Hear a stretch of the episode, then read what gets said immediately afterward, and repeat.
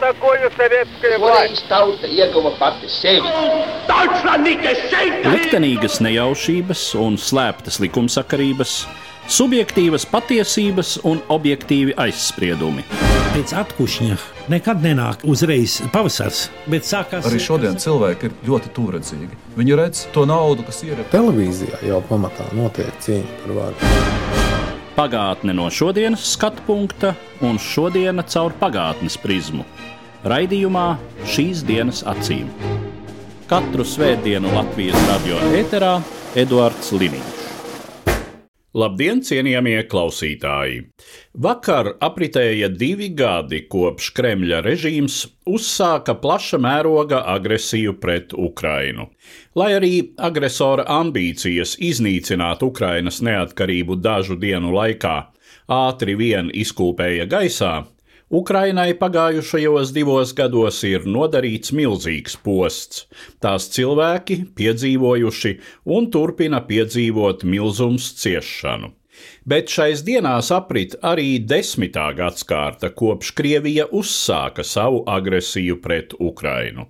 Par konkrēto datumu izteikti dažādi viedokļi, taču visbiežāk par tādu atzīst 2014. gada 20. februāri, jo tieši šis datums minēts uz medaļas, kura tika piešķirta Krimas okupācijā iesaistītajām Krievijas militārpersonām. Sagrābjot kontroli pār Ukrainai piedarošo pussalu, praktiski nesastapa nekādu Ukrainas bruņoto spēku pretestību, cik tālu ar šādu scenāriju neviens nebija nopietni rēķinājies, un notiekošais šokēja kā Ukrainu, tā visu pārējo pasauli. Tika sarīkots okupanta organizēts un kontrolēts referendums, un Maskava paziņoja, ka saskaņā ar pussalas iedzīvotāju gribu Krīma un autonomā Sevastopoles pilsēta tiek iekļautas Krievijas federācijas sastāvā. Šī panākuma iedvesmots, Puķina režīms izvērsa nākamo agresijas fāzi Ukrainas austrumu reģionā Donbasā. 2014. gada aprīlī šeit parādījās bruņotas grupas bez atpazīšanas zīmēm, kuras sagrāba savā kontrolē vairākas pilsētas. Tika deklarēta tā saukto Doņetskas un Luganskas tautas republiku nodibināšana. Šoreiz valdība Kijivā reaģēja un izsludināja tā saukto pretterorisma operāciju. Jūlija beigās Ukrainas bruņotie spēki bija piespieduši separātistu vienības, kuras sastāvēja pa daļai no Krievijas iesūtītiem, pa daļai no vietējiem prokrieviskajiem elementiem, atstāt lielu daļu no sākotnēji ieņemtajām teritorijām. Šajā brīdī Krievija tieši iesaistījās karadarbībā, gan apšaudot Ukrainas spēkus ar artilēriju no savas teritorijas, gan iesūtot pāri robežai savu savu bruņoto spēku karavīrus un tehniku. Pie tam Kremlis konsekventi noliedza šo iesaisti, sakot, ka pret Kīivas valdību Donbasā karojot vietējie iedzīvotāji, bet kad daži Krievijas karavīri krita gūstā, tika teikts, ka tie esot brīvprātīgie. Krievijas slēptā invāzija piespieda Ukrainas valdību pieņemt kompromisu tā saukto Minskas vienošanos veidā un līdz ar 2015. gada februāra otro pusi aktīvā kara darbības fāze noslēdzās. Lielai daļai no Donetskas un Luhanskas apgabaliem, taiskaitā apgabalu galvaspilsētām, paliekot Krievijas kontrolē. Turpmākajos gados, kā par to teica paši Ukrāņi, viņu valstī izdevās nosaitēt šo čūlojošo kara rētu savā miesā, turpināt attīstīties un pakāpeniski virzīties tuvāk mērķim, kādu bija definējusi 2013. gadā uzsāktā tā sauktā pašcieņas revolūcija, proti iestājai Eiropas Savienībā. Šī virzīšanās, protams, nekad netika akceptēta Kremlī, kas arī noteica to, ka 2022. gada februārī Puķina režīms uzsāka plaša mēroga konvencionālu karu. Uz sarunu par pagājušajiem desmit gadiem no Ukrainas viedokļa aicināju ukraiņu politologu un publicistu Dmitro Ļevušu. Mēs visi it kā saprotam, pēc kā tiecās Ukraina Maidana notikumu laikā, bet es gribētu lūgt tevi definēt, no kā Ukraina centās tikt projām, atgrūsties. В процессе, в процессе Майдана Украина однозначно отбивалась от тех практик, которые присущи для России, для русского мира, и то, что мы вот сейчас это наглядно видим. Maidana procesā Ukraina nepārprotam atkāpās no tām praksēm, kuras ir raksturīgas Krievijai, Krievu pasaulē. No tā, ko mēs tagad tik uzskatām, redzam citas starpā Baltkrievijas piemērā. Maidans jau neradās tukšā vietā. To ievadīja notikumi divu gadu ilgumā. Piemēram, bija valodas maidans par ukraiņu valodas saglabāšanu. Absolūti prokrieviskā var Janukoviča personā izbīdīja cauri tā saucamo Kivālo Koļesņičenko likumu, kas bija radikāli negatīvs pret ukraiņu valodas statusu. It kā jau formāli tas neko īpaši neizmainīja, taču faktiski atņēma Ukraiņu valodai valsts valodas statusu. Pēc tam bija masu protesti pēc notikumiem Radījivkas ciematā, kur milicijas darbinieki izvaroja sievieti un varas iestādes mēģināja šo milicijas patvaļu piesekt. Tāpat bija uzņēmēji protesti pret esošo situāciju, bija protesti pret iekļaušanos Eirāzijas ekonomiskās sadarbības sistēmā, par kuru bija skaidrs, ka arī tur Krievija spēlēs galveno lomu. Tāpēc daudzi, arī tie, kuri ne līdz galam saprata notiekošo, virzījās projām, visiem spēkiem centās atgriezties no Krievijas, no tās prakses un dzīves uztveres. No visas šīs atmosfēras, no šī Krievijas kosmosa, kas sevi ir līdz tādam līmenim, ka galu galā tur vairs nav vietas pat jebkādai saudabībai. Tur vairs nav vietas brīvībai, jebkurā aspektā - uzņēmējdarbības brīvībai, mēdīju brīvībai, pašizpausmes brīvībai. Man šis moments šķiet acīm redzams, un jāsaka, šī tiekšanās pēc brīvības un tāda zemapziņas distancēšanās bija galvenais, kas vienoja cilvēkus Maidenā. Ne jau viss turp gāja, lai cīnītos tieši par eiro integrāciju. Eiro integrācija kļuva par karogu, ap kuru vienojās. Objektīvi tur gāja par brīvību. Tagad reizēm saka, ka būt pret tas nevar būt tas pats, kas būt par. Bet mums nebija citas izvēles. Mums virsū gāzās šis duļķēnais Krievu pasaules vilnis, un mēs no tā beigām cik spējām. Respektīvi, ne panikā beigām, bet airējāmies prom, cik spējām, pretojāmies. Скажем так, не бежали в панике, а отгребали как только могли и сопротивлялись. Šis pastāvīgi dzirdamais priekšstats par to, ka daudzi ukrāņi krievus uzskatīja par, kā mēdz teikt, brāļu tautu. Cik liela nozīme šim priekšstatam bija tajā, ka sākotnēji nebija adekvātas reakcijas, katrā ziņā militāras reakcijas uz to, ko Krievija sāka darīt pirms desmit gadiem? Вообще, да, так оно и есть. Восприятие такое и было. Я не скажу на самом деле, что у всех. Почему? Потому что все-таки общность исторической судьбы, да, она э, понятна для всей Украины приблизительно где-то там с 39 точнее, с 45 -го года с Советским Союзом, но по отдельным регионам это восприятие могло быть абсолютно разным, но тем не менее у нас э, действительно было такое определенное восприятие русских как э, брата, Vispār tā tas arī ir. Tāda uztvere bija. Es gan neteiktu, ka visiem, jo šī vēsturiskā likteņa kopība, ja runājam par pilnīgi visu Ukrajinu, pastāv sākot ar 1939. faktiski sākot ar 45. gadu, ar rietumu Ukrainas nonākšanu Padomju Savienībā. Attiecīgi dažādos reģionos šī uztvere varēja būt pilnīgi atšķirīga, tomēr tāda noteikti Krievu kā brāļu uztvere tiešām pastāvēja gan vairs ne vecākā brāļa lomā. Daudzas Krievijas prakses jau tika vērtētas kā diezgan mežonīgas, bet to tiešām uztvēra tā, ka jā, nu tas ir mūsu brālis, ir tāds drusku apdauzīts, padevies, nu ko tu padarīsi. Pie tam mēs patiesībā visu līdz galam tā īsti vēl neapzinājāmies. Tas, kas ir bijis Golodomors, ka mūsu neatkarīgais valstiskums tika iznīcināts 1920. gadā, tas tobrīd bija mazāk uztvers fokusā. Šie jautājumi bija it kā atlikt malā. Un tiem bija daudz mazāk loma nekā Baltijā, jo starp 1940. gadu, kad tika iznīcināta Baltijas valsts neatkarība, un 91. gadu bija pagājuši apmēram 50 gadi, un jums vēl bija dzīvi ļaudis, kuri būdami pie pilna prāta un ar skaidru atmiņu to visu atcerējās.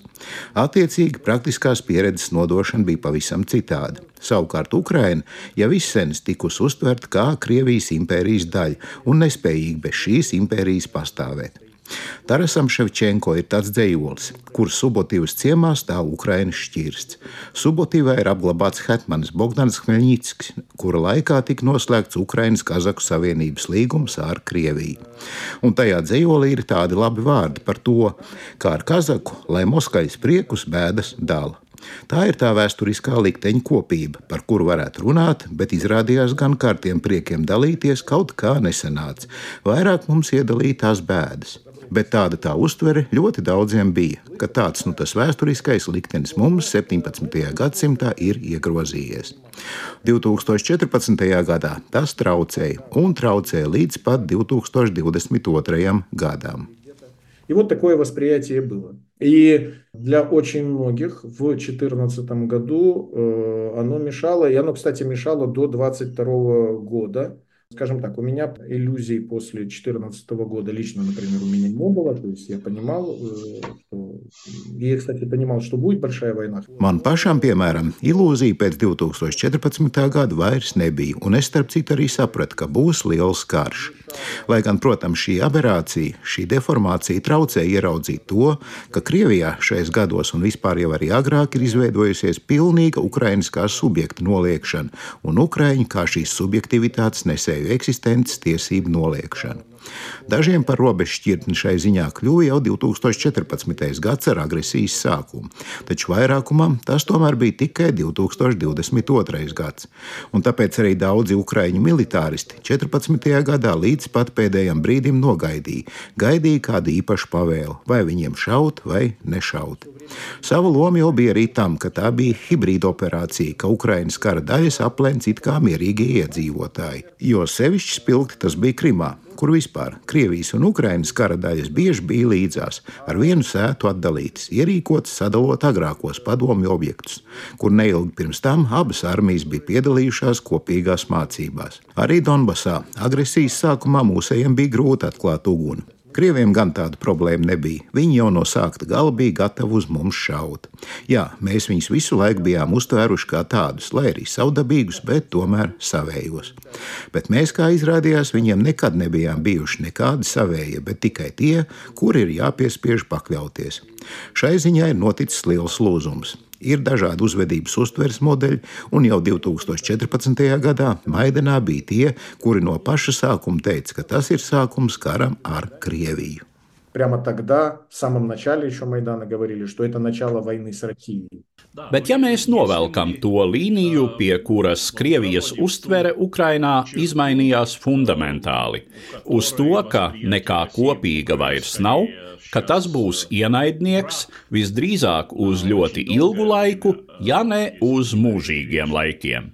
Vai tas bija 2022. gada februāris, vai arī tas pakāpeniski notika jau agrāk? Ну, я думаю, что все-таки в глобальном плане это февраль. Да, то есть февраль 22 года. То есть для меня, когда, понятно, я э, только увидел первых в репортаже, вот первых российских военных возле украинских воинских частей без, э, вот они бы стояли без познавательных знаков, для меня все было сразу понятно, что все это агрессия. Объективно я прекрасно понимаю, что да, для очень многих это было вот э, все-таки 24 февраля 22 года.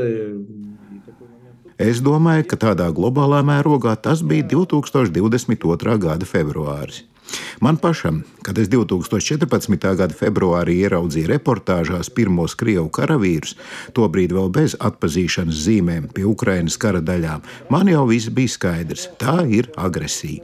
Starp citu, šis Krievijas tēls mūsu uztverē, par kur es teicu, ka tāds apdauzīts pastulps un tomēr brālis, šī uztvere jau ir pilnīgi melīga. Šī brāļu tautu koncepcija vienmēr ir bijusi, maigi izsakoties, aplama. Visa Krievijas valsts mašīna jau kopš Krievijas impērijas laikiem, vismaz kopš 19. gadsimta, ir strādājusi pie tā, lai Ukraiņu identitāte tiktu uztverta kā nepilnvērtīga, kā tāda, kas pilnīgi var īstenoties tikai kopā ar Krieviju. Tas turpinājās arī padomju laikā. Kaut arī patiesībā mēs esam izkarojuši paši savus karus. Mums ir pašiem sava vēsture, sava pagātne, sava pilnvērtība, un mums absolūti nav vajadzīga kaut kāda tur dižā krievu kultūra. Taču šis no turienes pie mums ievestais priekšstats salūz tikai 2022. gadā. Привнесенное оно поломалось только в 2022 году. Кстати сказать, и процесс все равно до сих пор продолжается. Почему? Потому что, допустим, то, что в оккупации происходит, понятно, что они навязывают назад все э, и, и работают со школ. Ну, вот, допустим, север Луганской области, там, там на украинском всегда говорили, это, это часть Слобожанщины. Сейчас фотографии смотришь оттуда, когда все это mordai Putina затянуты все и триколором этим. Un process jau vienalga turpinās joprojām, jo okupētajās teritorijās viņi, saprotams, atkal uzspiež savu, darbojas ar skolām. Teiksim, Luhanskas apgabala ziemeļos tur vienmēr ir runājuši ukraiņu valodā. Tā ir vēsturiskā Slobodas Ukrainas zeme. Tagad, paskatoties fotogrāfijas no turienes, tur visam aizkārts priekšā Putina purns un Krievu trikolors, savests mācību grāmatas no Krievijas, visas mācības notiek krieviski. Avģīvkā, kuras vairs nav, kas ir sagrauta līdz pamatiem, viņi tikko ienākuši metās atjaunot ielu nosaukums, kur tur bija līdz 2014. gadam. Valk no izgāstuvēm ārā Ļeņina pieminekļus un stutē vecajās vietās. Viņi ļoti nopietni cenšas pavērst to visu atpakaļ, un mums pašiem jau arī ir inerci. Visā pasaulē jau ir daudz cilvēku ar tādu domāšanu, ka politiķi tur plēšas, bet mums vienkāršajiem cilvēkiem nav ko. Es biju aizbraucis uz Jagidnes ciemu Černihivas apgabalā, kur Krievi bija sadzinuši visus ciemu iedzīvotājus - 350 cilvēkus pagrabā un turējuši tur ieslēgtus mēnesi. Jaunākajam bija divi mēneši, vecākajam šķiet 83 gadi. Desmit no viņiem tā mēneša laikā nomira, vēl 15 nomira jau pēc atbrīvošanas. Iedomājieties, kādas šausmas, kāds murgs un kurš to darīja, tie paši tā sacīt vienkāršie krievu cilvēki, kurus te uztvēra kā brāļus. Krievijas kadru virsnieki, kur to visu vadīja, ir zināms konkrētā bataljona komandieris Segvārds Kļons kļava. Vai tad viņa priekšniecība to neredzēja? Redzēja, protams, bet viņām bija dots uzdevums maksimāli efektīvi kaut kur aizvākt vietējos iedzīvotājus, lai nemaisās pa kājām, un nu viņš arī izrīkojās visai efektīvi. Sarīkoja tādu mini gulagu uz 27 dienām. Bet arī šajos apstākļos vienalga pastāv diezgan liela uztveres inerce un nevēlēšanās to redzēt. Инерция достаточно большая этого невосприятия или того, что нежелание увидеть вот это вот. То есть оно тоже есть. Periods, kas pagājis kopš 2014. gada, ir iedalāms divos posmos - Porošenko un Zelenska prezidentūras periodos. Kas noteica to, ka Porošenko izrādījās nevēlams un notika šis, kā šķita, pilnīgi fantastiskais, beletristiskais Zelenska lēciens no seriāla varoņa uz valsts galvas amatu? Es domāju, sējumu sējumi jau tiek rakstīti un vēl tiks uzrakstīti par to, kas tas vispār ir par fenomenu, kādi globāli uztveres procesi ir pamatā tam, ka cilvēks šādi izkāpj no ekrāna, no virtuālās pasaules, konvertējas reālajā. Bet, ja raugāmies no politiskā viedokļa, kas noteica to, ka Porošenko izrādījās nostumts malā? Savukārt varas virsotnē, pie kam ārkārtīgi stabilā virsotnē, nonāca Zelenskis. Ну, во-первых, простых объяснений, наверное, нету, когда оппоненты Зеленского начинают объяснять это только тем, что вот э, такой вот народ, да, который вот, э, посчитал, что нужен шоумен, да, то есть это как-то, мягко говоря, ну не совсем тоже верно. Вообще, на самом деле, Я думаю, что ну, это действительно революция. По-моему, как по мне, в мире такого случая на самом деле не было. Pirmkārt, vienkārši skaidrojumu laikam gan.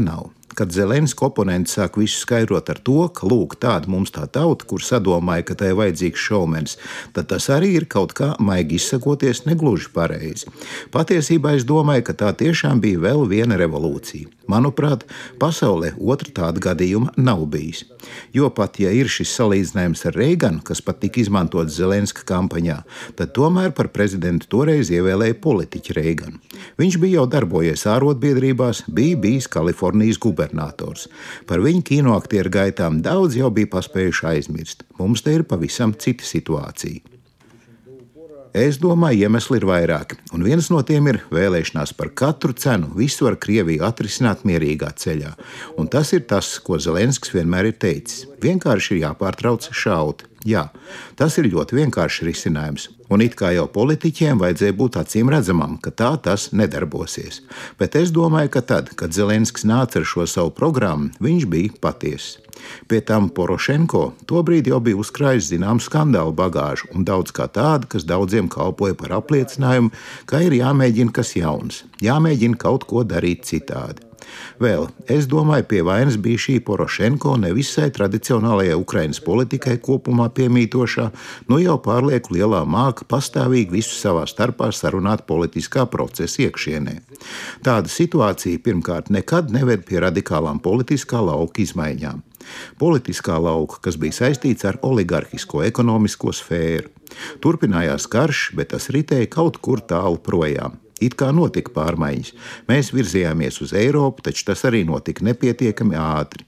Изменения вроде бы и шли, и мы в Европу шли, но при этом это было недостаточно быстро, и при этом, в общем-то, вот это договорники, вот они были, в общем-то, достаточно очевидны, И это то, что, в общем-то, раздражало. Тут была надежда, что, может быть, вот этих договорников не будет. Да? То есть... Pie tam šī pastāvīga aizkulisku sarunāšana, kas bija vispār jau diezgan pamanāma, tā kaitināja. Līdz ar Zelenski parādījās cerība, ka varbūt turpmāk šāda sarunāšana varētu nenotikt. Porošenko, tāpat kā viņa līdzgaitnieki, piederēja pie tiem politiķiem, kuri bija bijuši vienmēr pakāpeniski auguši līdz ar savu biznesu, līdz ar savu politiku. Zelenskim šīs pagātnes nebija, un tas, es domāju, arī nostrādāja. Un starp citu, Porošenko jau arī 2014. gadā ievēlēja ar cerību, ka karš drīz beigsies. Laiks bija pagājis, un nācās teikt, ka karš nav beidzies. Tā kā tāds bija tas iemeslu komplekss. Vispirms šīs tomēr pastāvošās cerības uz to, ka var kaut kā ātri izbeigt karu, kas gan, protams, bija ļoti iluzori un ko, protams, saprata visi, kuriem bija kaut cik izpratnes par notiekošo. Otrais moments - to radikālo pārmaiņu trūkums, kurām būtu vajadzējis būt. Trešais - šī pastāvīgā aizkulisku sarunāšana, pastāvīgie savstarpējie pakalpojumi, kuri tomēr uzpeldēja.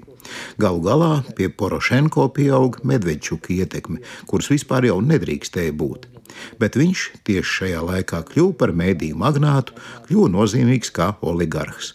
Tas viss noved pie Porošenko politiskās sakāves.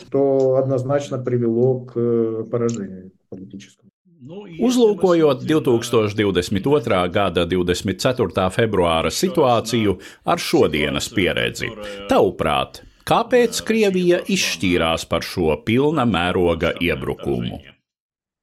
Потому что, э, во-первых, Россия однозначно на всех уровнях, вот, от простого алкоголика до Путина, искренне убеждены в том, что Украины и украинцев нет, не существует, их не должно быть.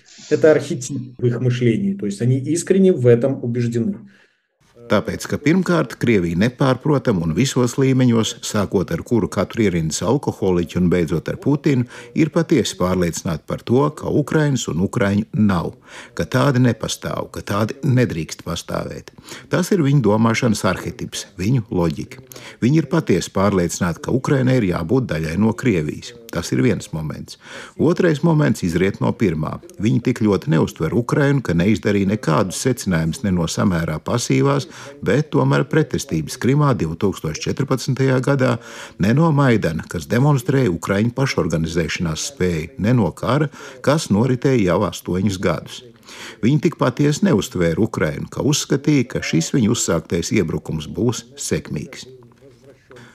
Un Putina jau bija samaitājis tas, ka viņam par visiem šādiem viņa stiķiem nekad nekas nav. Tā skaitā nav par Krimas aneksijas deklarēšanu, uz ko pasaulē tomēr būtu vajadzējis reaģēt, tā kā tas bija fundamentāls trieciens starptautiskajai kārtībai no apvienoto nāciju drošības padomas pastāvīgā locekļa puses. Tas viss arī bija iemesls pilna mēroga iebrukumam. Tātad, pirmkārt, nespēja uztvert Ukrainu, jo tādai Ukrainai nav jāpastāv, un otrkārt, no šīs nespējas uztvert izrietošā neticēšana Ukrainas spēkam настолько неверие в силы Украины, что они поэтому на это и решились. Cik tavuprāt pamatota ir tēze, ka pēdējie divi gadi Ukraiņu nācijas konsolidācijā ir bijuši izšķirošāki nekā jebkas, kas noticis līdz tam? Я думаю, что да, этот тезис оправдан, оно приблизительно так и есть. И я ну, даже по своему личному опыту могу сказать, что 24 февраля 2022 года я увидел и после увидел, что да, что мы едины и гораздо более едины, чем об этом можно было подумать. Es domāju, ka šī tēze ir pamatota. Apmēram tā tas arī ir.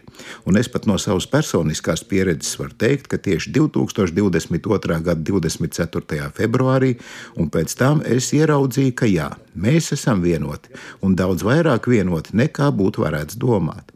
Kaut arī jau līdz tam man nebija nekādu šaubu, ka Krievijas iebrukums nenotiks tā, kā tas bija plānots.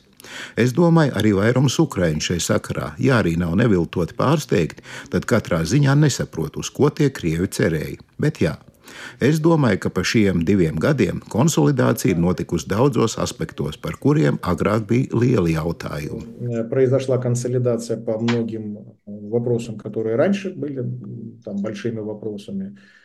Kāds ir tavs redzējums par pašreizējo momentu? Mēs vērojam, ka vispār ir maz jaunu notikumu kara darbībā. Nav kādu skaļu, labu jaunumu, bet nav arī tādu, kuri izraisītu nopietnas bažas. Jā, ir nācies atstāt Avģīvku, kurā pirms kara bija 35,000 iedzīvotāju. Krievija tās ieņemšanai upurēja 50,000, un kas tālāk? Ja es tev jautātu, Kuram par labu šobrīd spēlē laiks? Я бы не сказал, что однозначно нет никаких новостей. У нас на самом деле сейчас такое достаточно напряженное психологическое состояние все-таки. Es gan neteiktu, ka tā nepārprotami nav nekādu jaunumu. Patiesību sakot, pie mums pašreiz tomēr ir tāds diezgan saspringts psiholoģiskais stāvoklis. Pie tam tāpēc, ka ir viss šis konteksts.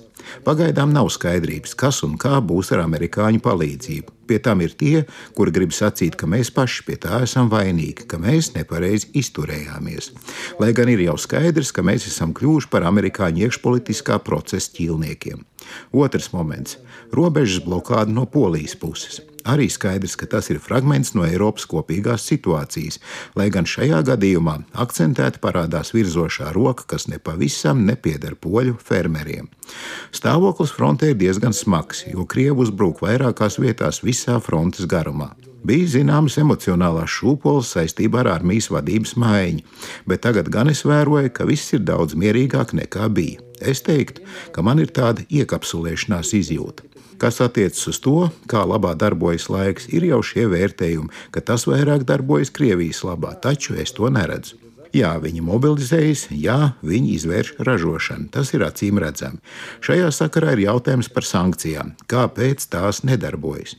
Skaidrs, ka tās vajadzētu pieņemt ātrāk Un tomēr man ir izjūta, ka laiks nedarbojas Krievijas labā. Kā labi pateica Ukrāņu psihologs Oļegs Pokaļčuks. Krievija ir tuvāk savai sakāvei nekā mēs savai uzvarai. Un šī izjūta laikam ir pati precīzākā.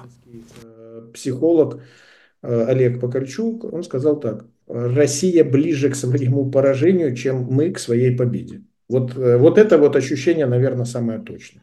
Līdz ar to izskan mūsu raidījums, kurā palūkojāmies uz desmitgadi, kas pagājusi kopš Krievijas agresijas pret Ukrainu sākuma. Mans sarunbiedrs bija ukraiņu politologs un komentētājs Dmitro Ļevus. Katru svētdienu Latvijas radio viens par pagātni sarunājas Eduards Līniju.